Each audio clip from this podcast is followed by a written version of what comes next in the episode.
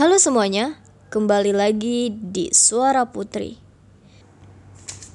Sahabat itu terlahir dari ketidaksepakatan hitam di atas putih, tercipta tanpa ikrar yang terucapkan. Pun berlangsung dengan kejelasan pikiran dan hati bukan aturan tertulis. Sahabat bertemu dan berpisahnya karena takdirnya, berselisih karena saling cinta darinya, bersenda guraunya karena karunia sayang darinya.